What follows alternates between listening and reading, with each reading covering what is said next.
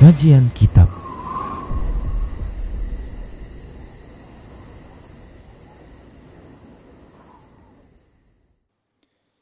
Bismillah, Assalamualaikum warahmatullahi wabarakatuh.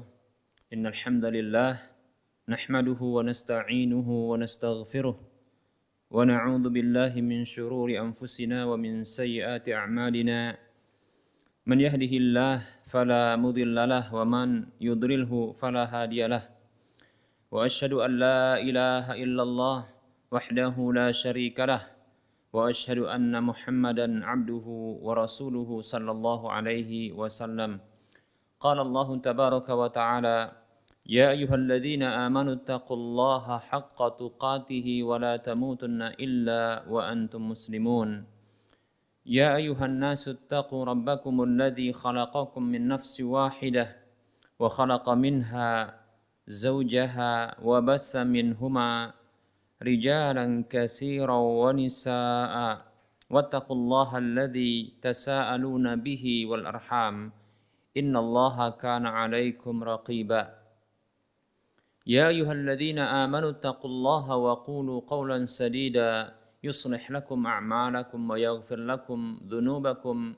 ومن يطع الله ورسوله فقد فاز فوزا عظيما. أما بعد. فإن أصدق الحديث كتاب الله وخير الهدى هدى رسول الله صلى الله عليه وسلم وشر الأمور محدثاتها وكل محدثة بدعة وكل بدعة ضلالة وكل ضلالة في النار Para hamba Allah rahimani wa rahimakumullah Mari kita bersyukur kepada Allah subhanahu wa ta'ala atas semua kebaikan dan pemberian dari Allah Subhanahu wa taala yang telah kita rasakan dan insya Allah taala akan kita rasakan seterusnya dan berikutnya kita akan rasakan di negeri yang penuh dengan kenikmatan di surga Allah Subhanahu wa taala, kenikmatan yang kekal abadi selamanya. Amin ya rabbal alamin. Kemudian selawat dan salam kita ucapkan untuk Nabi kita Muhammad sallallahu alaihi wasallam kita masih berharap terus kepada Allah Subhanahu wa taala agar Allah Subhanahu wa taala memberikan taufik dan bimbingannya kepada kita agar kita terus berada di atas petunjuk ajaran Rasulnya sampai Allah Subhanahu wa taala mewafatkan kita. Para pemirsa Rosa TV dan para pendengar Radio Medan Mengaji di mana saja Anda berada, a'azzani Allah wa iyyakum jami'ah. Kita masih membahas tentang akidah tauhid dan juga kita masih membahas tentang tauhidul asma wa sifat yaitu mengesahkan Allah Subhanahu wa taala di dalam nama dan sifat-sifatnya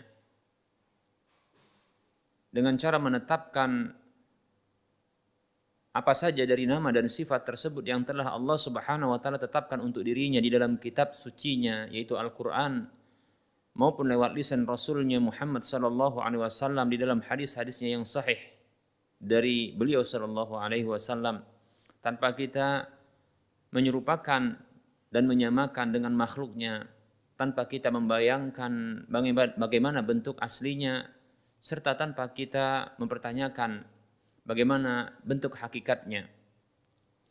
Dan tanpa kita melakukan penolakan terhadap salah satu darinya sekaligus tanpa kita berani dan lancang untuk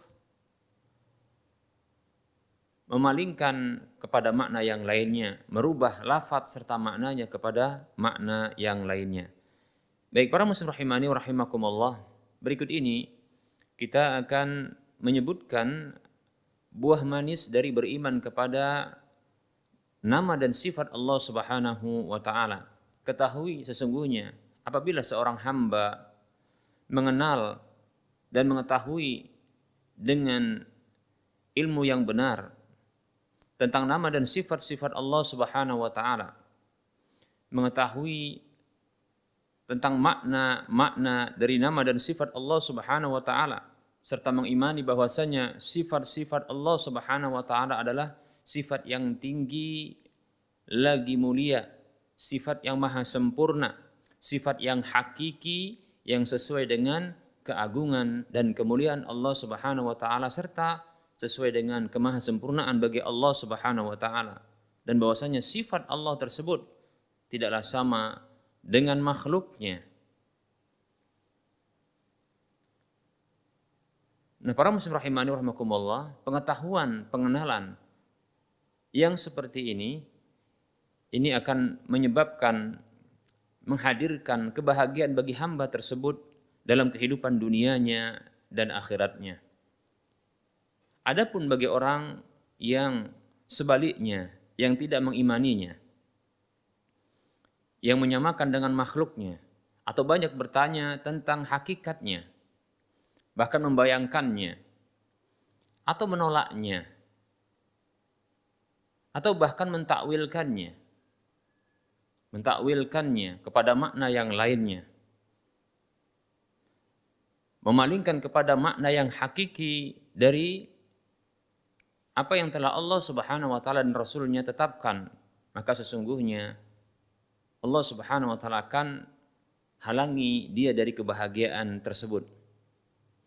Dan orang seperti ini bukanlah orang yang mengagungkan Allah Subhanahu wa taala dengan sebenar-benar pengagungan. Sebagaimana Allah Subhanahu wa taala menyebutkan tentang orang-orang ahlul kitab. Dalam surah Az-Zumar ayat 67 Allah mengatakan A'udzu billahi minasyaitonir rajim wa ma qadarullaha haqqa qadrih.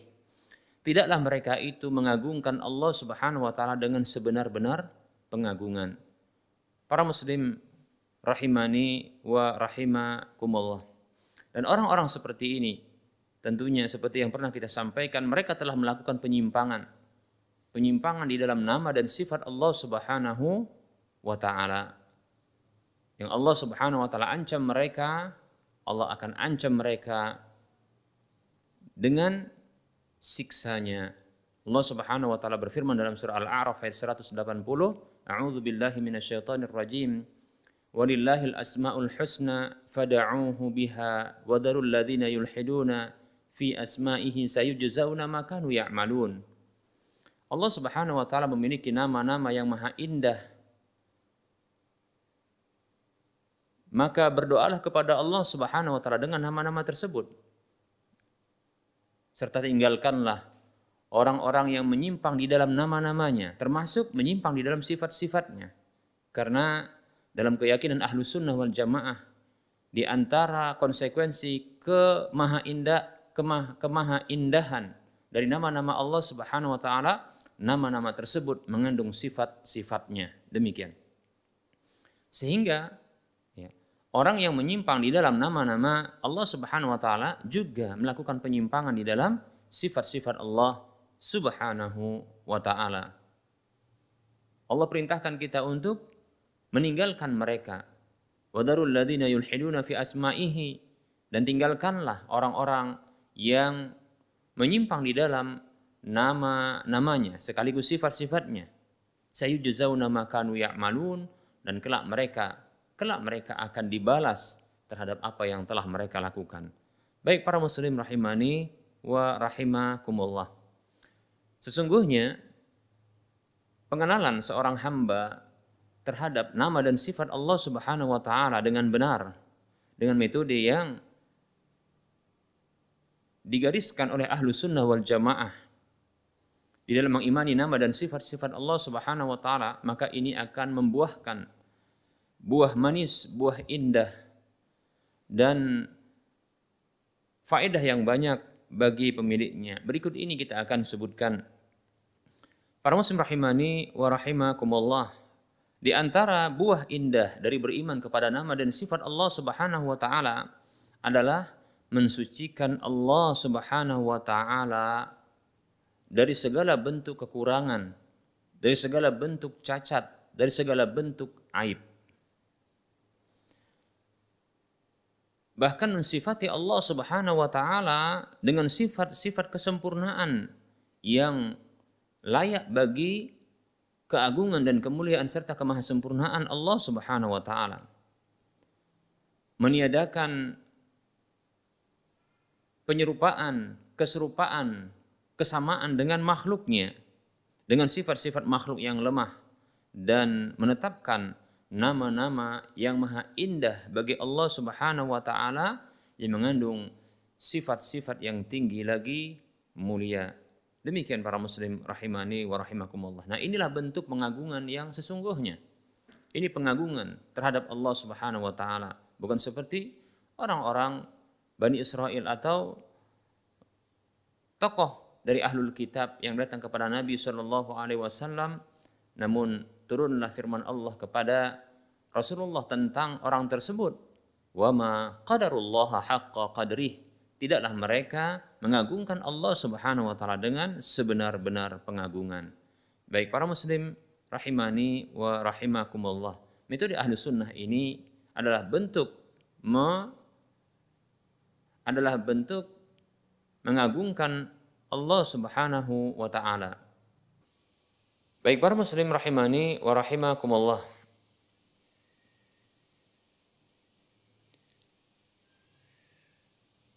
Kita akan lanjutkan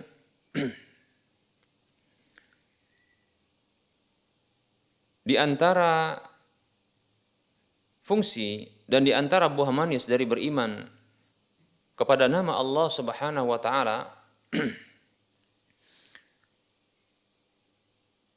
adalah memunculkan harapan dan menghilangkan keputusasaan dari rahmat Allah Subhanahu wa taala. Bahkan muncul kelapangan di dalam dada mengharapkan rahmat Allah Subhanahu wa taala dan ampunan Allah Subhanahu wa taala. Ketika seorang hamba dia mengimani nama-nama di antara nama-nama Allah Subhanahu wa taala seperti Al-Afu, Al-Ghafur, Ar-Rahim, Yang nama-nama ini mengandung, mengandung sifat al-afu, mengandung sifat kemaafan. Al-ghafur, ya, mengandung sifat pengampunan. Dan ar-rahim, mengandung sifat pemberian rahmat kepada hambanya. Maka tentunya bagi seorang hamba ini akan memunculkan memunculkan harapan yang besar memunculkan harapan yang besar pada dirinya kepada Allah Subhanahu wa taala di mana tatkala dia melakukan dosa maka dia tidak akan berputus asa dari rahmat Allah Subhanahu wa taala di mana masih berpeluang baginya untuk kembali kepada Allah Subhanahu wa taala. Untuk dia bisa menjadi orang-orang yang diridhoi oleh Allah Subhanahu wa taala karena dia mengimani nama Allah Al-Afu, zat yang memaafkan dan memaafkan kesalahan para hambanya. Bahkan wa ya'fu an Allah memaafkan dari banyak kesalahan para hambanya. Kemudian Al-Ghafur yaitu zat yang memiliki yang memberikan ampunan yaitu maghfiratu lil muznimin yaitu memberikan ampunan kepada orang-orang yang berdosa. Demikian Ar-Rahim, demikian pula Ar-Rahim, zat yang memberikan rahmat khusus kepada hamba yang khusus. Demikian para muslim rahimani wa rahimakumullah. Berikutnya di antara fungsi dan buah manis dari beriman kepada nama dan sifat Allah Subhanahu wa taala dengan keimanan yang benar maka ini akan memunculkan dan mendorongnya untuk memiliki rasa takut kepada Allah Subhanahu wa taala dan menjauhi segala bentuk kemaksiatan kepada Allah Subhanahu wa taala di mana seorang hamba tatkala dia mengimani nama-nama Allah Subhanahu wa taala yang mengandung sifatnya seperti syadidul iqab, zat yang keras siksanya. Kemudian mengimani bahwasanya Allah itu dzuntiqam adalah zat yang membalas siapa saja dari hambanya yang berbuat kedurhakaan kepadanya dan mengimani sifat murka dan marah Allah Subhanahu wa taala, maka ini akan mendorong seorang hamba memiliki rasa takut kepada Allah Subhanahu wa taala sehingga dia akan menahan dirinya dari segala bentuk kedurhakaan kepada Allah Subhanahu wa taala. menahan dirinya, menghindarkan dirinya dari segala bentuk keburukan-keburukan, kerusakan-kerusakan, kerusakan bagi dirinya, demikian pula kerusakan bagi orang lain. Demikian para muslim rahimani wa rahimakumullah. Nah, ini di antara fungsi dan buah manis dari beriman terhadap nama dan sifat Allah Subhanahu wa taala dengan benar. Berikutnya para muslim rahimani wa rahimakumullah. Di antara di antara fungsi dan buah manis dari beriman kepada nama dan sifat Allah Subhanahu wa taala dengan benar. Maka di antara fungsi dan buah manisnya adalah mendorong seorang hamba untuk memperbesar tawakalnya kepada Allah Subhanahu wa taala. Memperbesar tawakalnya kepada Allah Subhanahu wa taala. Bersandar kepada pertolongan Allah Subhanahu wa taala. Tidak merasa takut dengan musuh-musuh Allah Subhanahu wa taala, musuh-musuhnya. Hidup dengan tenang ya. dan menja dan merasa ya memiliki penjagaan dari Allah Subhanahu wa taala dan penguatan dari Allah serta pertolongan dari Allah Subhanahu wa taala. Di mana hamba tersebut meyakini nama-nama Allah berikut yang menghadirkan ya sifat dan sikap yang kita sebutkan tadi yaitu nama Allah Al-Qawi zat yang maha kuat Al-Qadir zat yang maha berkuasa Al-Aziz zat yang maha perkasa yang Allah Subhanahu wa taala memberikan pertolongannya kepada orang-orang beriman dengan menjaga dan memberikan bantuan kepada mereka. Bahkan Allah Subhanahu wa taala bersama dengan mereka. Demikian para muslim rahimani wa rahimakumullah. Tawakal itu bergantung kepada Allah Subhanahu wa taala, menyandarkan segala urusan kepada Allah Subhanahu wa taala. Demikian para muslim rahimani wa rahimakumullah. Di antara di antara fungsi dan buah manis dari beriman kepada nama dan sifat Allah Subhanahu wa taala adalah hamba tersebut terdorong untuk mencari dan mengais rezeki yang halal saja. Mengais rezeki yang halal tanpa dia melakukan tindakan-tindakan yang merugikan dirinya dan orang lain tanpa dia melakukan kezaliman, tanpa dia melakukan pelanggaran-pelanggaran di dalam mencari rezeki seperti melakukan riba, ya, melakukan eh, kemudorotan, menimpakan kemudorotan dan eh, kezaliman kepada hamba-hamba Allah yang lainnya, ya. tanpa juga dia melakukan pelanggaran-pelanggaran di dalam muamalah. Mengapa? Karena hamba tersebut apabila dia mengimani salah satu dari nama-nama Allah Subhanahu wa taala dan sifatnya mengandung sifat yaitu nama Allah Ar-Razzaq, Ar-Raziq, zat yang memberi rezeki terus-menerus memberi rezeki dan menanggung rezeki para hambanya. Maka seorang hamba dia akan mengais rezeki hanya rezeki yang halal saja. Seperti yang pernah kita sampaikan Hadis Nabi Shallallahu Alaihi Wasallam yang diriwayatkan oleh Imam Ibnu Majah dalam kitab Sunannya Rasulullah Wasallam bersabda ayuhan nas wahai manusia wahai manusia ittaqullah wa ajminu fit talab wahai manusia wattaqullah wa ajminu fit talab bertakwalah kepada Allah dan perbaguslah dalam mencari rezeki Perbaguslah dalam mencari rezeki. Inna nafsan lan tamuta hatta tastawfiya rizqaha wa in abta anha. Sesungguhnya sebuah jiwa tak akan mati sampai dia mengambil semua rezekinya. Sampai dia mengambil semua rezekinya walaupun lamban dari darinya. Wattaqullah wa ajmilu fi talab. Bertakwalah kepada Allah dan perbaguslah dalam mencari rezeki. Khudhu ma halla wa da'u ma hurrima. Tinggalkan yang haram dan ambillah yang halal. ambil yang halal, khudu mahalla, ambil yang halal, wada'u mahurrima dan tinggalkan yang diharamkan. Demikian para muslim rahimani wa rahimakumullah. Nah, ini mengimani salah satu dari nama-nama Allah Subhanahu wa taala, ya. Ini akan mendorong seorang hamba untuk mencari rezeki dengan rezeki yang halal saja. Mengapa? Karena rezekinya telah ditanggung oleh Allah Subhanahu wa taala. Rezekinya telah ditetapkan oleh Allah Subhanahu wa taala dan bahwasanya dia tidak akan mati melainkan Allah Subhanahu wa taala ya telah mencukupi rezekinya. Demikian para muslim rahimani wa rahimakumullah. Sehingga ini mendorongnya untuk mengambil rezeki yang halal saja. Ya, karena memang Allah tetapkan rezeki itu baginya selama hidupnya. Demikian para muslim rahimani wa rahimakumullah.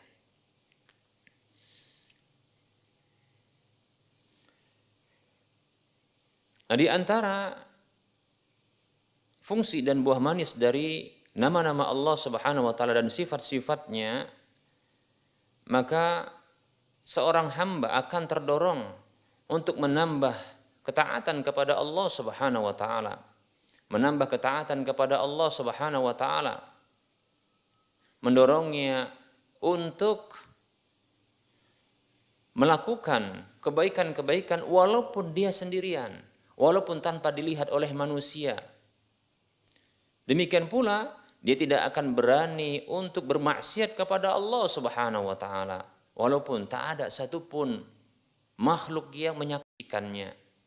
Walaupun tidak ada orang-orang di sekitarnya, walaupun tatkala dia sendirian, karena sesungguhnya dia mengimani dan telah menghujam di dalam hatinya, di dalam dirinya dari nama-nama Allah Subhanahu wa taala, keimanan terhadap nama Allah Subhanahu wa taala Al-Basir, zat yang maha melihat bahwasanya Allah Subhanahu wa taala melihat ya, melihat ya apa saja yang besar maupun yang kecil penglihatan Allah sama saja. Ya, penglihatan bagi Allah SWT zat yang besar maupun yang kecil maka itu sama bagi Allah. Yang jauh dan yang dekat maka sama bagi Allah Subhanahu wa taala. Dan dia juga mengetahui bahwasanya Allah Subhanahu wa taala adalah Ar-Raqib, zat yang mengawasi, yang mengawasi para hambanya. Al-Alim, zat yang Maha mengetahui, mengetahui apa saja yang tersembunyi sebagaimana Allah mengetahui apa saja yang tampak Demikian para muslim rahimani wa rahimakumullah. Nah, ini fungsi dan buah manis dari beriman terhadap nama nama Allah Subhanahu wa taala. Berikutnya para muslim rahimani wa rahimakumullah.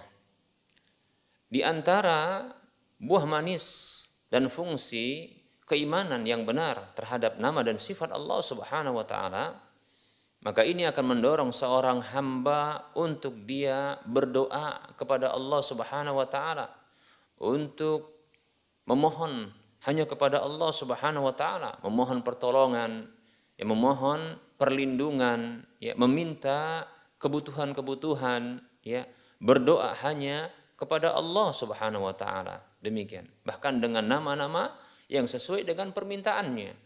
Seperti yang kita sebutkan dalam surah Al-A'raf ayat 180 Allah Subhanahu wa taala berfirman, A'udzu billahi minasyaitonir rajim, walillahil asmaul husna fad'uuhu biha.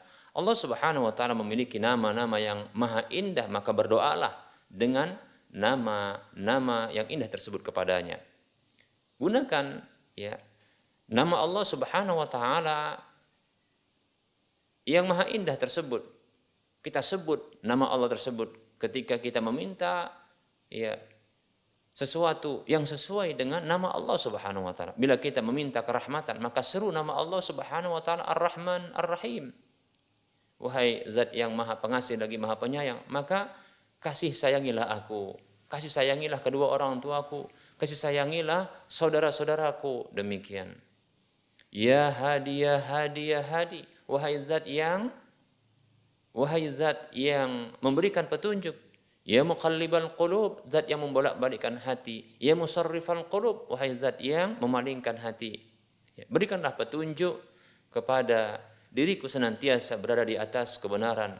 Berikanlah petunjuk kepada kedua orang tuaku di atas kebenaran. Berikanlah petunjuk kepada saudara-saudaraku dari kalangan kaum muslimin di atas kebenaran dan berikan petunjuk kepada seluruh manusia agar mereka berada di atas kebenaran dan palingkanlah tetapkanlah hati ini di atas agamamu dan di atas ketaatan kepadamu. Demikian para muslim rahimani wa rahimakumullah. Seperti itu. Ya. Nah, ini ya fungsi ya dari nama-nama Allah ya mengenal dengan benar dan mengimani dengan benar nama dan sifat-sifat Allah Subhanahu wa taala. Baik para muslim rahimani wa rahimakumullah. Di antara fungsi dan buah manis dari beriman terhadap nama-nama dan sifat-sifat Allah Subhanahu wa taala adalah keimanan tersebut akan mendorong seorang hamba mendekatkan dirinya kepada Allah Subhanahu wa taala dengan ibadah-ibadah. Mendekatkan dirinya kepada Allah Subhanahu wa taala dengan banyak ibadah. Karena Allah Subhanahu wa taala begitu dekat. Karena Allah Subhanahu wa taala akan mendekat kepada hambanya yang mendekat ya kepada diri Allah Subhanahu wa taala. Allah Subhanahu wa taala akan mendekat kepada hamba ya apabila hamba tersebut pun mendekat kepada kepadanya. Demikian para muslim rahimani wa rahimakumullah. Di antara fungsi dan di antara fungsi Demikian pula buah manis dari beriman terhadap nama dan sifat Allah Subhanahu wa taala dengan benar, maka keimanan ini akan mendorong seorang hamba untuk dia bersikap rahmat, berbuat baik ya, berbuat baik kepada para hamba-hamba Allah Subhanahu wa taala.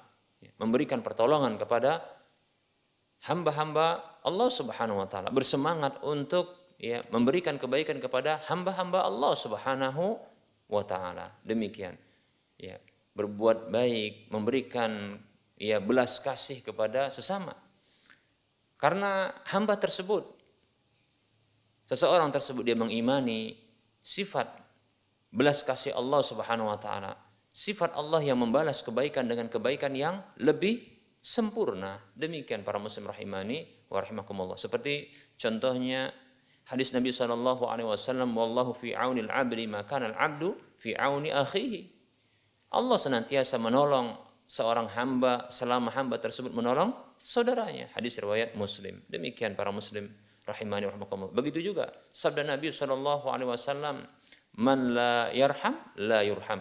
Siapa saja yang tidak memiliki sifat kasih sayang, maka dia tidak akan disayangi oleh zat yang ada di di langit. Demikian para muslim rahimani rahimakumullah. Maka ini memberikan motivasi kepada dirinya untuk berbelas kasih kepada sesama manusia.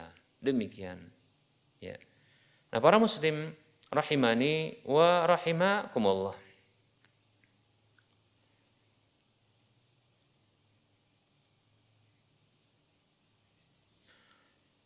Dan banyak sekali dari buah manis, buah manis dari nama dan sifat-sifat Allah Subhanahu wa taala yang jelas para muslim rahimani warahmatullah fungsi yang besar dari beriman dengan nama dan sifat Allah Subhanahu wa taala dengan metode Ahlus Sunnah wal Jamaah dengan keimanan yang benar yaitu menetapkan apa saja yang ditetapkan oleh Allah Subhanahu wa taala berupa nama dan sifat-sifatnya untuk diri Allah Subhanahu wa taala karena Allah menetapkannya. Di dalam baik itu di dalam Al-Qur'an maupun lewat lisan Rasulullah Shallallahu alaihi wasallam, maka kita juga menetapkannya. Kita tetapkan tanpa kita serupakan dengan makhluknya, tanpa kita samakan dengan hamba-hamba Allah Subhanahu wa taala, makhluk-makhluk Allah Subhanahu wa taala tanpa kita ya tanyakan bagaimana bentuk aslinya dan tanpa kita bayangkan bagaimana hakikatnya serta tanpa kita menolak dan mengingkarinya sebagian atau keseluruhannya. Begitu juga tanpa kita berani lancang untuk memalingkan kepada makna yang lainnya. Maka keimanan yang benar seperti ini maka akan melahirkan pengagungan yang benar terhadap Allah Subhanahu wa taala. Demikian para muslim rahimani wa rahimakumullah. Dan metode ahlus sunnah wal jamaah ini ketika menetapkan ketika menetapkan tentang tauhid Allah Subhanahu wa taala, mentauhidkan Allah di dalam tiga hak Allah Subhanahu wa taala, yaitu menetapkan ya tauhid pengesaan kepada Allah Subhanahu wa taala di dalam perbuatan-perbuatan Allah, bahwasanya Allah Subhanahu wa taala satu-satunya zat di dalam perbuatan-perbuatannya. Demikian pula mentauhidkan Allah Subhanahu wa taala di dalam hak ibadah dan penyembahan kepada Allah semata dan mengesahkan Allah Subhanahu wa taala di dalam nama dan sifat-sifatnya dengan menetapkan apa saja dari nama dan sifat yang telah Allah Subhanahu wa taala tetapkan untuk dirinya. Di dalam kitab sucinya Al-Qur'an maupun lewat lisan Rasulullah Muhammad sallallahu alaihi wasallam. Tanpa kita menyamakan dengan makhluknya tanpa kita membayangkan bagaimana bentuknya tanpa kita menolak sebagian atau keseluruhannya dan tanpa kita melakukan takwil, memalingkan makna yang hakiki kepada makna yang lainnya. Para muslim rahimani wa rahimakumullah, keimanan dan tauhid seperti ini para muslim rahimani wa rahimakumullah. Ini akan menghasilkan bentuk pengagungan kepada Allah, menghasilkan bentuk pengagungan yang sesungguhnya kepada Allah Subhanahu wa taala. Ini merupakan pembelaan ya ahlu sunnah wal jamaah terhadap Allah subhanahu wa ta'ala. Para muslim rahimani wa rahimakumullah. Maka siapa pun yang membela hak-hak Allah subhanahu wa ta'ala, maka tentunya Allah subhanahu wa ta'ala akan membelanya. Allah akan membelanya. Al jaza min jinsil amal. Balasan itu berasal dari jenis amalnya. Pembelaan maka akan dibalas dengan pembelaan. Seperti itu para muslim rahimani wa rahimakumullah. Ya. Maka kita yang telah menyadari hal ini, kita yang telah ya meyakini hal ini, maka kita ajak manusia, kita ajak hamba-hamba Allah Subhanahu wa taala yang lainnya. Baik itu muslim maupun non muslim untuk mari kita membela hak Allah Subhanahu wa taala. Kita kenalkan tentang hak Allah ini kepada mereka dan hendaknya mereka memenuhi hak-hak Allah Subhanahu wa taala. Demikian. Para muslim rahimani wa rahimakumullah manusia saat ini begitu ya begitu besarnya perhatian kepada hak-hak sesama mereka. Ada yang disebut dengan hak azazi manusia. Sampai pun ya mereka melakukan pembelaan terhadap ya hak azazi hewan demikian pula lingkungan ya. Ternyata Allah Subhanahu wa taala balas mereka. Balas mereka. Tatkala mereka ya memperjuangkan hak-hak sesama mereka Allah perjuangkan juga. Allah berikan kebaikan kepada mereka. Lalu bagaimana pula? Ya, bagi hamba-hamba Allah Subhanahu wa taala yang memperjuangkan hak-hak Allah Subhanahu wa taala, maka tentunya lebih layak bagi Allah Subhanahu wa taala untuk membela mereka. Para muslim rahimani wa rahimakumullah. Bila ada hak asasi manusia, maka kita harus membela ya hak azazi sang pencipta Allah tabaraka wa taala. Demikian para muslim rahimani rahimakumullah. Biarkan manusia mereka membela ya membuat aliansi ya komunitas untuk membela hak-hak sesama. Ya. Dan Islam ini adalah agama yang sempurna. Yang mengatur semua hak, ya mengatur semua hak. Demikian. Bahkan Rasulullah Shallallahu Alaihi Wasallam diutus oleh Allah Subhanahu Wa Taala memang untuk menyempurnakan akhlak yang mulia. Dalam sebuah hadis yang diriwayatkan oleh Imam Ahmad dalam musnadnya, Rasulullah Shallallahu Alaihi Wasallam bersabda, Innama bu'istu liutami masalihal akhlak. Sesungguhnya aku diutus oleh Allah Subhanahu wa taala hanyalah untuk menyempurnakan akhlak yang saleh, akhlak yang baik, akhlak yang mulia. Sesungguhnya akhlak para muslim rahimani rahimakumullah itu porosnya intinya terletak pada pemenuhan hak. Siapa saja yang telah memenuhi hak-hak yang dia telah yang ada di pundaknya. Siapa saja yang telah memenuhi hak-hak siapa saja yang ada di pundaknya yang wajib baginya untuk memenuhi hak-hak tersebut, maka sesungguhnya dia telah berakhlak dan beradab kepada kepada pemilik dari hak tersebut. Demikian para muslim rahimani warahmatullah. Sesungguhnya Allah Subhanahu wa taala memiliki hak. Allah Subhanahu wa taala ya, memiliki hak. Hak Allah Subhanahu wa taala adalah tauhid, mengesahkan Allah Subhanahu wa taala di dalam nama di dalam perbuatan-perbuatannya, di dalam hak peribadahan dan persembahan yang hanya ditujukan kepadanya. Demikian pula di dalam nama dan sifat-sifatnya yang kita tetapkan, kita tetapkan ya untuk Allah Subhanahu wa taala karena dia telah menetapkan nama dan sifat itu untuk dirinya dalam kitab Allah Al-Qur'an maupun lewat lisan Rasulnya Muhammad Alaihi Wasallam tanpa kita menyamakan dengan makhluknya, tanpa kita membayangkan bagaimana bentuknya, tanpa kita menolak sebahagian atau keseluruhannya dan tanpa kita ya memalingkan, merubah makna yang hakiki kepada makna yang lainnya. Demikian. Ini adalah hak Allah Subhanahu wa taala. Kita berikan kepada Allah Subhanahu wa taala. Maka ketahuilah pasti Allah akan membela kita.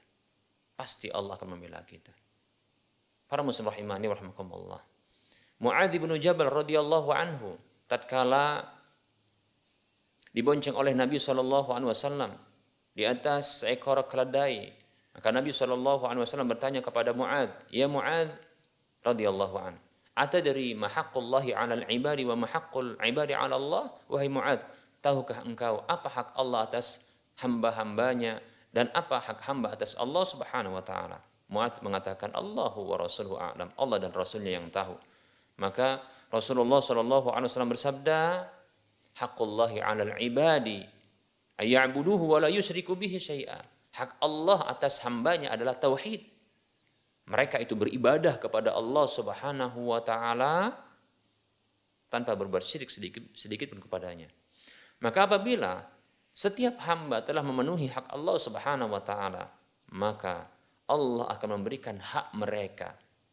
Rasulullah mengatakan, "Wa haqqul ibadi 'ala Allah" dan hak hamba atas Allah Subhanahu wa taala adalah Allah yu'adziba man la yusyriku Allah tak akan mengadab, Allah tak akan menyiksa siapa saja dari hamba-hambanya yang tak pernah menyalahi hak Allah Subhanahu wa taala, berbuat syirik kepadanya. Demikian. Seperti itu. Allah akan siksa dia di dunia dan di akhirat. Demikian para muslim rahimani wa rahimakumullah. Oleh karenanya mari kita bela ya hak Allah Subhanahu wa taala. Di saat manusia ini lalai dan lengah terhadap hak Allah Subhanahu wa taala, ya. Di saat manusia ini bahkan mereka melakukan pelecehan terhadap Allah Subhanahu wa taala. Ya. Di antara manusia ada yang mereka melakukan penyimpangan di dalam nama dan sifat Allah. Seperti kita katakan, menyerupakan Allah dengan makhluknya. Ini bentuk kesyirikan dan ini bentuk pelecehan membayangkan bagaimana bentuk Allah Subhanahu wa taala dan mempertanyakan ya ini merupakan bentuk pelecehan kepada Allah Subhanahu wa taala dan penyimpangan. Ini penghinaan kepada Allah Subhanahu wa taala ya. menolak nama dan sifat Allah Subhanahu wa taala yang telah Allah tetapkan untuk dirinya mengingkarinya. Padahal Allah mengatakan itu dalam Al-Qur'an dan juga disebutkan dalam lisan Rasulullah sallallahu alaihi wasallam. Maka orang ini telah melakukan pelecehan dan penghinaan kepada Allah Subhanahu wa taala Demikian pula tatkala Allah Subhanahu wa taala menetapkan nama dan sifatnya itu sesuai dengan hakiki, sesuai dengan hakikatnya, malah orang ini melakukan melakukan pentakwilan, memalingkan makna yang hakiki yang Allah inginkan dan Rasulullah inginkan, dia palingkan kepada makna yang lainnya. Ini merupakan bentuk penghinaan dan pelecehan terhadap Allah tanpa disadarinya. Siapakah yang yang mau membela hak Allah Subhanahu wa taala. Kita ahlu sunnah wal jamaah membela, kita bela. Di saat ini, para muslim rahimani wa rahimakumullah. Di saat ini, kaum muslimin hampir di seluruh penjuru dunia mereka bangkit untuk membela hak Rasulullah Shallallahu Alaihi Wasallam. Tatkala Rasulullah Shallallahu Alaihi Wasallam dilecehkan haknya, dihina, dengan dimunculkan karikatur tentang Rasulullah Shallallahu Alaihi Wasallam, maka kaum muslimin di hampir seluruh wilayah yang ada di dunia ini, di negeri-negeri kaum muslimin, mereka bangkit bahkan di negeri kafir. Ya, mereka pun bangkit membela hak nabinya, hak nabi kita Muhammad sallallahu alaihi wasallam. Walaupun barangkali ya niat yang benar terkadang diiringi dengan cara yang tidak benar. Ya. Sesungguhnya merupakan bentuk pembelaan terhadap Nabi kita Muhammad Shallallahu Alaihi Wasallam adalah menjelaskan tentang kedudukan beliau, menjelaskan tentang hak-hak beliau. Ya. Di antara hak beliau adalah beliau itu diikuti, diteladani. Ta'atuhu tasdiquhu fima akhbar, membenarkan apa saja yang beliau kabarkan. Wa ta'atuhu fima amar dan mentaati di dalam apa saja yang beliau perintahkan. Wajtinabu manaha anhu zajar dan meninggalkan apa saja yang beliau larang dan beliau peringatkan. Wa alla yu'badallahu illa bima syara'a. Dan tidaklah dan beribadah kepada Allah dan beribadah kepada Allah dengan syariat yang beliau ajarkan. Demikian. Baik para muslim rahimani warahmatullah. Ini di antara hak Rasulullah yang ini harus kita bela. Ya, ini hak Rasulullah yang harus kita bela. Kita bela Rasulullah. Demikian. Begitu juga kecintaan. Di antara hak Rasulullah adalah mencintai beliau melebihi di atas kecintaan siapa pun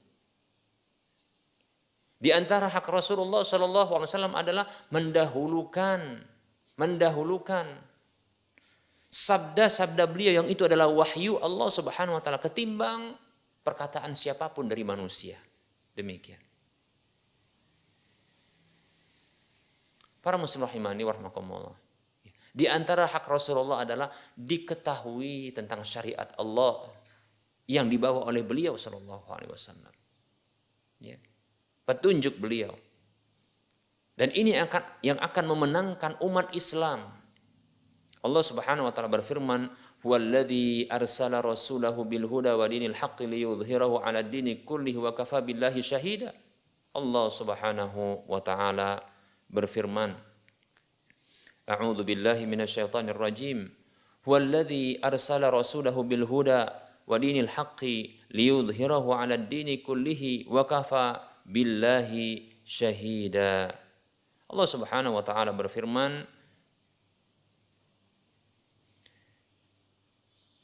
di dalam surah Al-Fathu ayat 28 yang artinya dialah Allah Subhanahu wa taala zat yang telah mengutus rasulnya dengan membawa petunjuk hidayah dan agama yang benar ini agar Allah memenangkan memunculkan mengeksiskan agama ini di atas seluruh agama dan cukuplah Allah sebagai saksinya. Demikian. Seperti itu. Baik para muslim rahimani wa rahimakumullah. Begitu cara ya membela Rasulullah Shallallahu Alaihi Wasallam yaitu membela haknya. Ketahuilah sesungguhnya tatkala Nabi kita Muhammad Shallallahu Alaihi Wasallam di masa beliau dilecehkan hak pribadi beliau, hak pribadi beliau yang bukan terkait dengan agama, hak pribadi beliau.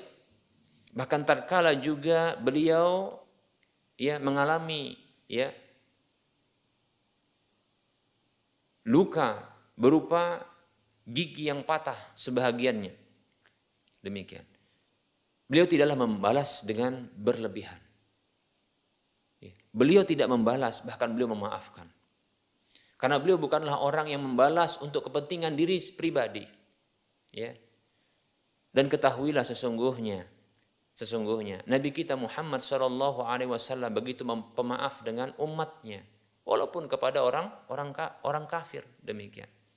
Ketika beliau dikatakan sebagai orang gila kalau sekarang mungkin dibuat karikatur dengan karikatur gila begitu. Sebagai penyihir pemecah hubungan keluarga dan seterusnya ya. Beliau tidaklah membalas. Beliau tidaklah membalas. Demikian para muslim rahimahni warahmatullah. Namun apabila yang disakiti adalah agama, Yang dilecehkan adalah Allah dan agama Allah Subhanahu wa taala. Maka beliau pun bangkit demikian. Ya. Seperti itu.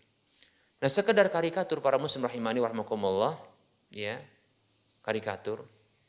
Nah, ini merupakan bentuk pelecehan terhadap hak Rasulullah Shallallahu alaihi wasallam secara pribadi. Namun, kita juga harus membelanya, tapi dengan cara yang benar, dengan cara yang benar. Ya. Bukan dengan cara yang tidak benar. Bukan melakukan anarkis, bukan melakukan tindakan-tindakan yang membuat malah memunculkan image kepada ya orang-orang kafir bahwasanya begitu bengisnya umat Islam. Ya. Begitu hilangnya sifat pemaaf dari umat Islam. Demikian, tidak. Malah ini kesempatan bagi kita sebagai umat Islam untuk membalas keburukan, membalas keburukan dengan kebaikan, bahkan menjelaskan dengan penjelasan. Jika ingin melakukan sebuah tindakan contohnya, seperti pemboikotan ya terhadap produk-produk satu negara yang telah melancarkan penghinaan terhadap Nabi kita Muhammad Shallallahu Alaihi Wasallam maka itu dibenarkan. Insya Allah taala maka tidak masalah. Ya. Tapi jangan lupa ada hak yang esensi yang harus kita bela seperti yang kita sebutkan tadi. Membenarkan membela ajaran Rasulullah Shallallahu Alaihi Wasallam. Ya. membenarkan apa saja yang beliau kabarkan mentaati apa saja yang beliau perintahkan, menjauhi apa saja yang beliau larang dan peringatkan, beribadah kepada Allah dengan apa yang beliau syariatkan dan ajarkan. Begitu. Mencintai beliau melebihi kecintaan kepada segala sesuatu yang ada yang kita miliki. Mengedepankan perkataan sabda beliau karena itu adalah wahyu ya ketimbang seluruh perkataan manusia. Demikian. Mengenal kehidupan kenabian beliau bahkan sebelum kenabian beliau. Begitu. Menyebutkan selawat dan salam untuk Nabi SAW tatkala disebutkan nama beliau Sallallahu Alaihi Wasallam.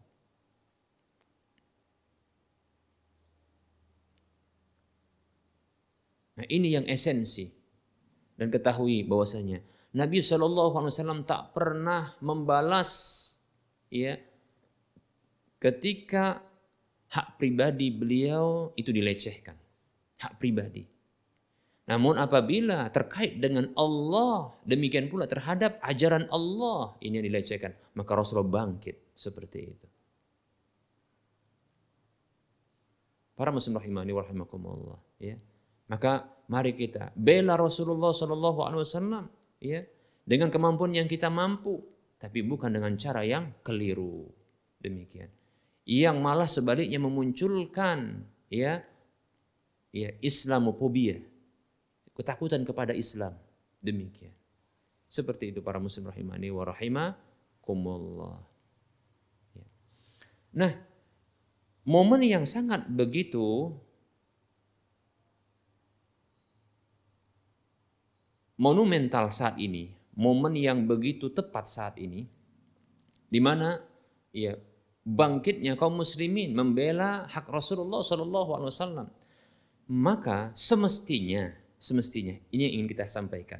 Maka semestinya ini membuat seorang muslim atau setiap muslim itu lebih untuk ya membela hak Allah Subhanahu wa taala. Ya. Membela hak Allah Subhanahu wa taala. Demikian. Kita katakan tadi bahwasanya Rasulullah Wasallam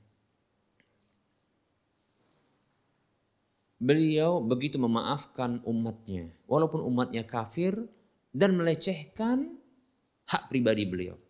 Tapi apabila melecehkan Allah agama Allah maka beliau bangkit untuk membela. Seperti itu. Maka ya sesungguhnya pembelaan kita terhadap tauhidullah pembelaan kita terhadap tauhidullah di saat seperti ini, ya, yang kita saat bangkit, ini momen yang tepat. Ya, ketika kita bangkit keislaman kita, ya, kecemburuan kita, di mana Nabi kita tercinta Muhammad SAW dilecehkan, maka kita bangkit. Maka mestinya kita lebih bangkit tergerak untuk membela hak Allah Subhanahu wa taala. Karena tanpa disadari ternyata yang melakukan pelecehan terhadap hak Allah adalah ternyata dari kaum muslimin juga. Di mana mereka menyamakan Allah dengan makhluknya. Di mana mereka itu membayangkan bagaimana bentuk asli dari sifat-sifat Allah Subhanahu wa taala. Dan mempertanyakan bagaimana bentuknya. Di mana mereka juga ya melakukan penolakan terhadap nama dan sifat Allah Subhanahu wa taala. Di mana mereka juga melakukan takwil. Ini bentuk kelancangan dan bentuk pelecehan terhadap hak Allah, yaitu memalingkan makna yang hakiki dari sifat Allah Subhanahu wa taala kepada makna yang lainnya. Bersamaan dengan itu ternyata ada kaum muslimin, saudara-saudara kita yang mereka melecehkan hak Allah berupa ibadah kepada Allah itu diarahkan kepada selain Allah Subhanahu wa taala. Siapakah di antara kita yang membela hak Allah Subhanahu wa taala? Ada juga di antara kaum muslimin yang masih meyakini bahwasanya ada orang-orang yang mengetahui perkara yang gaib. Masih datang ke dukun-dukun. Ini bentuk pelecehan kepada Allah Subhanahu wa taala. Ada pula di antara mereka yang datang ke laut dengan memberikan persembahan kepada laut, menjamu laut, ya, memberikan tumbal kepada laut dengan meyakini bahwasanya laut tersebut memiliki memiliki penguasa. Ini kesalahan di dalam rububiyah Allah Subhanahu wa taala. Demikian. Baik para muslim rahimani rahimakumullah. Siapa yang mau membela hak Allah Subhanahu wa taala? Apabila kita saat ini begitu cemburu tatkala Rasulullah Shallallahu Alaihi Wasallam dilecehkan haknya, kita cemburu, kita marah, kita bangkit membela hak Rasulullah Shallallahu Alaihi Wasallam.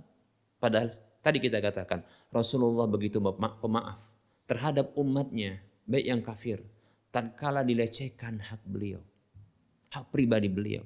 Lihatlah bagaimana tatkala Rasulullah Shallallahu Alaihi Wasallam ya ketika ya ada seorang Arab Badui yang menarik selendang yang dipakai Rasulullah SAW ditarik begitu sampai menyisakan ya goresan bekas yang membuat merah leher Rasulullah SAW. Tapi Rasul tersenyum, ya tersenyum. Padahal dia meminta harta, harta baitul mal yaitu harta zakat. Ditarik seperti itu. Baik para muslim rahimani rahimakumullah. Rasulullah tidak marah. Mungkin kita marah, betul. Sahabat-sahabat pun marah, ya. Tapi begitulah Rasulullah SAW, pemaafnya beliau Wasallam. Tatkala ada orang yang melecehkan hak pribadi beliau, tapi beliau akan bangkit tatkala Allah Subhanahu Wa Taala yang dilecehkan haknya, begitu juga agama Allah, ajaran Allah. Demikian. Tidakkah kita meniru Rasulullah? Namun kita juga tidak boleh diam tatkala ada orang yang melecehkan hak Rasulullah Shallallahu Alaihi Wasallam, namun dengan cara yang benar. Seperti itu para muslim rahimakumullah. Saudara-saudara seiman yang saya cintai, ya, dan saya doakan semoga kita semua bisa berkumpul di surga Allah Subhanahu wa taala, di dunia dalam kebaikan dan di kelak di akhirat dalam negeri kebaikan. Amin ya rabbal alamin. Saya ajak mari kita bangkit untuk membela hak Allah Subhanahu wa taala. Untuk membela hak Rasulullah sallallahu alaihi tapi dengan cara yang benar, dengan cara yang benar. Karena sesungguhnya sebuah tindakan sebuah tindakan itu akan menjadi benar tatkala diiringi dengan niat yang benar, dan cara yang benar. Demikian para muslim rahimani wa rahimakumullah. Baik kita akan lanjutkan berikutnya ya dengan sesi soal jawab.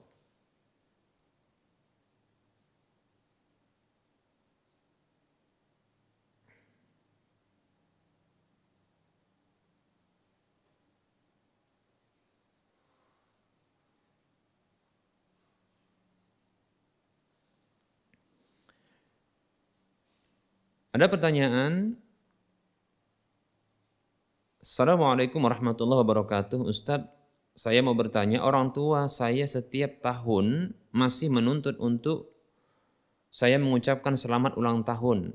Mereka sangat sedih jika anak tidak mengucapkannya sehingga dianggap anak yang tidak berbakti. Bagaimana sikap saya ya Ustadz? Waalaikumsalam warahmatullahi wabarakatuh. Jadilah anak yang saleh atau salihah. Ya. Yang senantiasa mengucapkan kata-kata yang lembut. Tidak mesti harus ucapan selamat ulang tahun. Ya. Perlu kita ketahui bahwasanya ya ulang tahun merupakan dan merayakannya merupakan bentuk meniru kebiasaan orang-orang kafir. Sampai-sampai ya Tuhan mereka pun dirayakan hari ulang tahunnya, hari kelahirannya, disebut dengan Natal. Ya. Itu orang-orang Nasrani. Demikian. Rasulullah Shallallahu Alaihi Wasallam bersabda, "Man tashabbaha biqaumin fahuwa minhum." Hadis riwayat Abu Daud. Siapa saja yang meniru satu kaum maka dia termasuk kaum tersebut.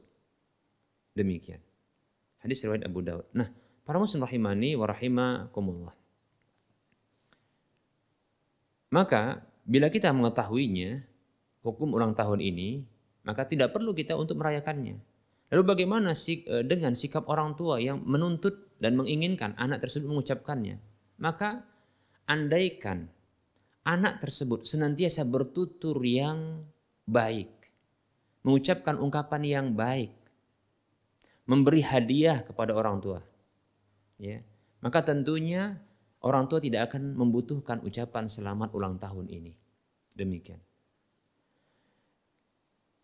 Di antara solusi yang saya tawarkan kepada saudara kita ini, ya, cobalah pertama posisikan diri sebagai anak yang soleh atau solehah, ya, yang memenuhi hak-hak orang tua, berbakti kepada kedua orang tua, berbuat baik kepada orang tua sepanjang tahun.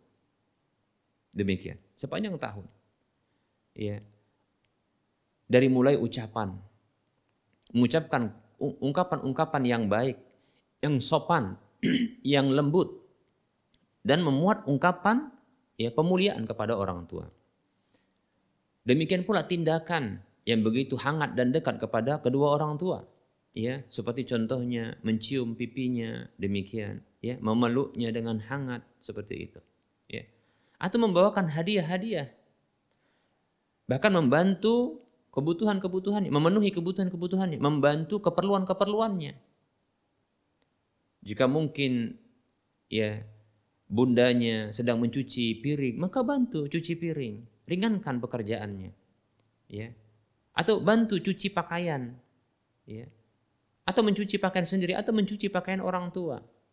Demikian. Atau ya, menyapu rumah atau halaman sekitar seperti itu. Atau menata ruangan. Atau membantu masak orang tua. Dan seterusnya. Ya. Begitu juga ya mungkin ya orang tua laki-laki begitu ada pekerjaannya ya itu dibantu pekerjaannya jika memungkinkan untuk bisa dibantu. Paling tidak ketika bertemu dengan kedua orang tua mengucapkan salam bahkan menanyakan ya apa yang bisa dibantu demikian dengan bahasa yang lembut dan memuliakan. Seperti itu. Ya. Seperti itu seterusnya. Ya. Bila berjauhan bertanya menanyakan ya, bertanya tentang kabar, apa kabar ayah, bunda, demikian seperti itu tanyakan. Ini kepedulian. Ketika pulang juga membawakan hadiah walaupun mungkin harus mengorbankan jajan. Seperti itu. Jajan sendiri. Atau mengorbankan mungkin sebagian tabungan maka tidak masalah. Ya. Seperti itu. Nah, ketika mendekati hari ulang tahun orang tua ini, ya, maka lakukan pemberian hadiah terus. Demikian. Sebagaimana sebelumnya itu memberikan hadiah. Nah, sehingga orang tua pun tidak akan merasa kesepian dia. Ya, dengan pemberian-pemberian orang e, anaknya. Sehingga dia tidak membutuhkan lagi untuk apa? ucapan secara khusus dan hadiah hadiah secara khusus dari anaknya di hari ulang tahunnya. Demikian.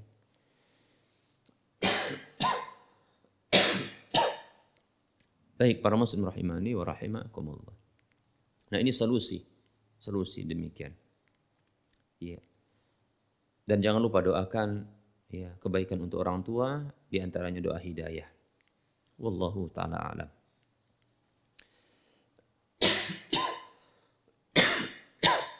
Baik,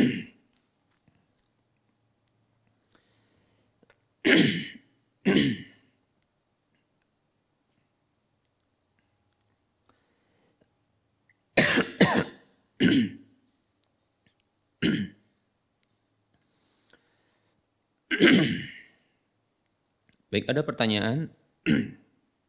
Bismillah, mau bertanya Ustadz, bagaimana sikap orang tua yang memberikan mainan boneka yang menyerupai manusia lengkap seperti boneka Barbie? Apa bisa merusak akidah anak? Syukran jazakallahu khairan. Afan wa anta fajazakallahu khairan. Sesungguhnya boneka termasuk sesuatu yang dibolehkan karena diberikan dispensasi oleh Nabi Wasallam. Nabi Shallallahu Alaihi Wasallam pernah membiarkan Aisyah radhiyallahu anha bermain boneka.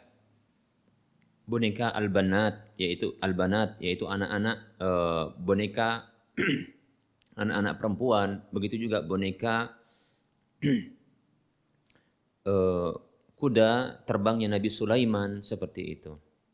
Seperti itu. Walaupun mirip dengan manusia maka insya Allah dibolehkan. Hanya saja permasalahannya adalah ya e, karakter dari boneka tersebut. Karakter dari boneka tersebut. Yang berbahaya adalah bukan ya e, bonekanya, tapi adalah karakter dari boneka di mana boneka ya dengan Eh, gambar tertentu ya atau bentuk tertentu itu memiliki karakter yang telah ada di film-film kartun. Ya. Seperti contohnya mungkin ya karakter eh, kartun Barbie di mana kartun ini ya Barbie ini begitu mudahnya untuk membuka apa? aurat.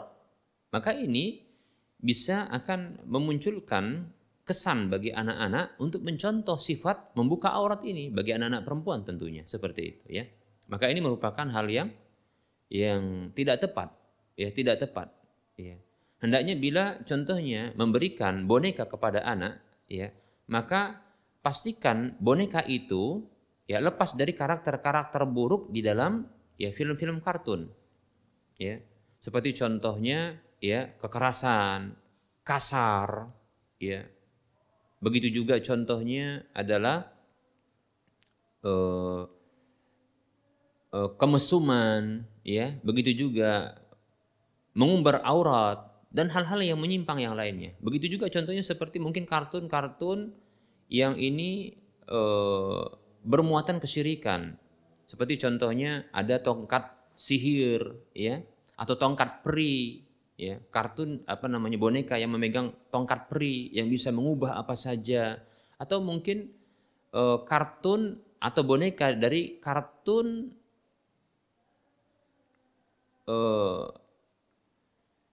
dewa-dewa yang disembah oleh agama lain seperti itu maka ini disingkirkan ya. maka ketika hendak ya membeli boneka maka belikan boneka-boneka yang bebas dari hal ini boneka-boneka yang bebas dari hal ini. Seperti contohnya barangkali boneka hewan, ya, boneka hewan-hewan yang yang tidak ada karakter-karakter buruknya seperti itu. Adapun ya, adapun e, boneka hukum boneka insya Allah taala boleh walaupun mirip ya dengan manusia berbentuk manusia. Hanya saja pastikan karakter-karakter ya bagi tokoh boneka tersebut ya tokoh boneka tersebut ya jadi bisa jadi ya tokoh-tokoh uh, boneka ini memiliki karakter yang buruk di dalam film-filmnya, ya.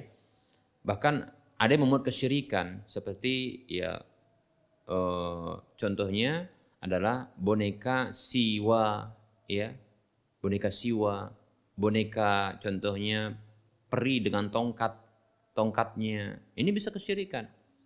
Atau contohnya tindakan kekerasan dan kasar, seperti contohnya ya beberapa eh, apa namanya kartun-kartun yang mengandung perkelahian, ini akan membuat anak-anak menjadi jadi kasar dan keras. Demikian. Seperti itu. Begitu juga seperti boneka Barbie yang ini mengajarkan bagaimana begitu terbuka di dalam ya berpakaian dan seterusnya, maka ini dihindarkan. Pilihlah boneka-boneka yang mendidik. Ya, mendidik. Ya, seperti itu. Wallahu taala a'lam.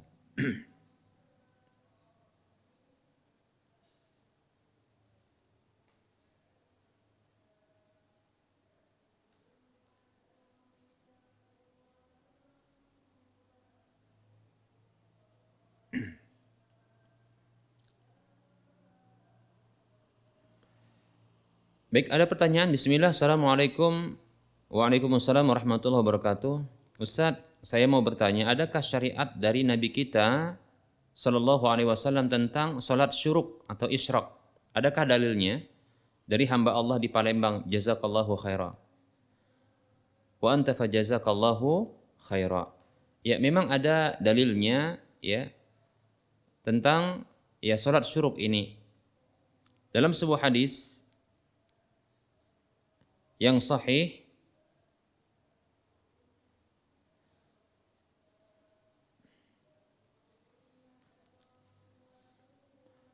Hadis yang Rasulullah Shallallahu Alaihi Wasallam beliau bersabda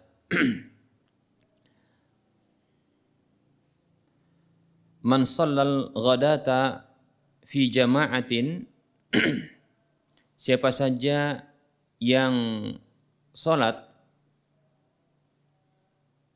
subuh. Man sholla al-ghadata fi jama'atin. Siapa saja yang sholat subuh secara berjamaah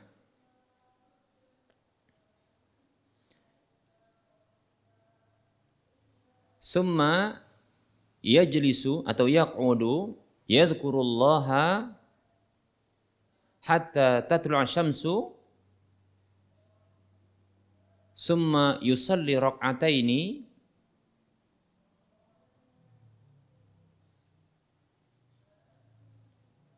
kana ka'ajri al-hijjati wal umrati tamatan tamatan ya. Kita ulangi lafadznya ya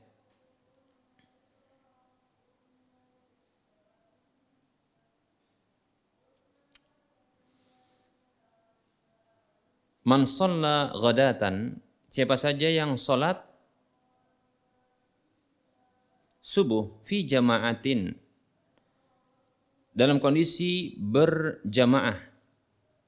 Summa qa'ada, kemudian dia duduk yadhkurullaha menyebut nama Allah Subhanahu wa taala, menyebut nama Allah Subhanahu wa taala, berzikir kepada Allah, termasuk berzikir ini adalah ya membaca zikir-zikir setelah sholat subuh ya. Begitu juga membaca Al-Quran termasuk zikir bahkan Al-Quran itu merupakan ya afdalu zikri yaitu zikir yang paling afdol termasuk juga berzikir kepada Allah adalah mendengarkan kajian-kajian ilmiah ya. Oleh karenanya Al-Quran disebut dengan adzikr ya adzikr oleh Allah Subhanahu wa taala ya jadi ketika ada kajian contohnya ya mengaji tentang hukum-hukum Allah di dalam Al-Qur'an ya atau hukum-hukum Allah di dalam hadis-hadis ya maka ini merupakan bentuk berzikir kepada Allah Subhanahu wa taala. Duduk berzikir hatta tatlu syamsu sampai terbitnya matahari. Summa shalla ini kemudian ia salat dua rakaat kanat lahu ka ajri hijjatin wa umratin. Maka dia mendapatkan pahala seperti pahala haji dan umrah. Tamatan tamatan tamatan. Tiga kali Rasul mengatakan ya sempurna sempurna sempurna. Itu pahalanya. Hadis ini hadis yang dikeluarkan oleh Imam At-Tirmidzi ya dari Anas bin Malik radhiyallahu anhu dan disahihkan oleh Syekh Al-Albani rahimahullahu taala dalam Sahihul Jami dengan nomor urut hadis ya 600 6346. 6346. dalam Sahihul Jami disahihkan oleh Syekh Al-Albani rahimahullahu taala. Seperti itu, ya. Demikian. Jadi hadisnya memang sahih. Nah, silakan. Walaupun ada sebagian ulama yang mendaifkan hadis ini, ya. Ada yang mendaifkan hadis ini. Demikian ya. Ya, dalam hal ini ada terjadi perbedaan pendapat dan terjadinya perbedaan pendapat itu disebabkan penilaian terhadap derajat hadisnya. Saya condong, saya pribadi condong kepada sahihnya hadis ini ya seperti itu, sahihnya hadis ini. Nah, hadis ini dikeluarkan oleh Imam At-Tirmidzi dalam sunannya dengan nomor urut 586. Demikian. Dan disahihkan oleh Syekh Al-Albani rahimahullahu taala dalam Sahihul Jami' ya. Dalam Sahihul Jami' dengan nomor urut hadis dalam Sahihul Jami' tersebut.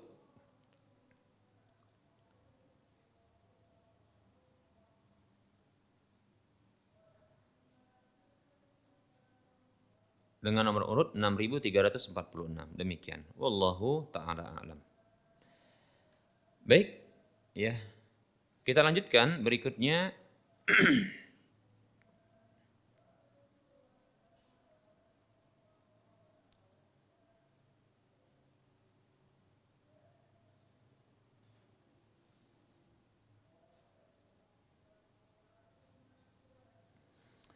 Assalamualaikum Ustaz Waalaikumsalam warahmatullahi wabarakatuh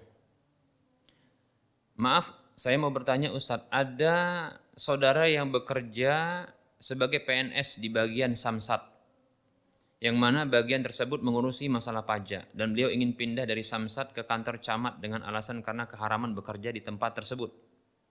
Tetapi untuk mengurus pindahnya, kita diminta untuk membayar sejumlah uang. Kalau tidak dibayar, kita tidak bisa pindah. Sementara kerja di Samsat haram.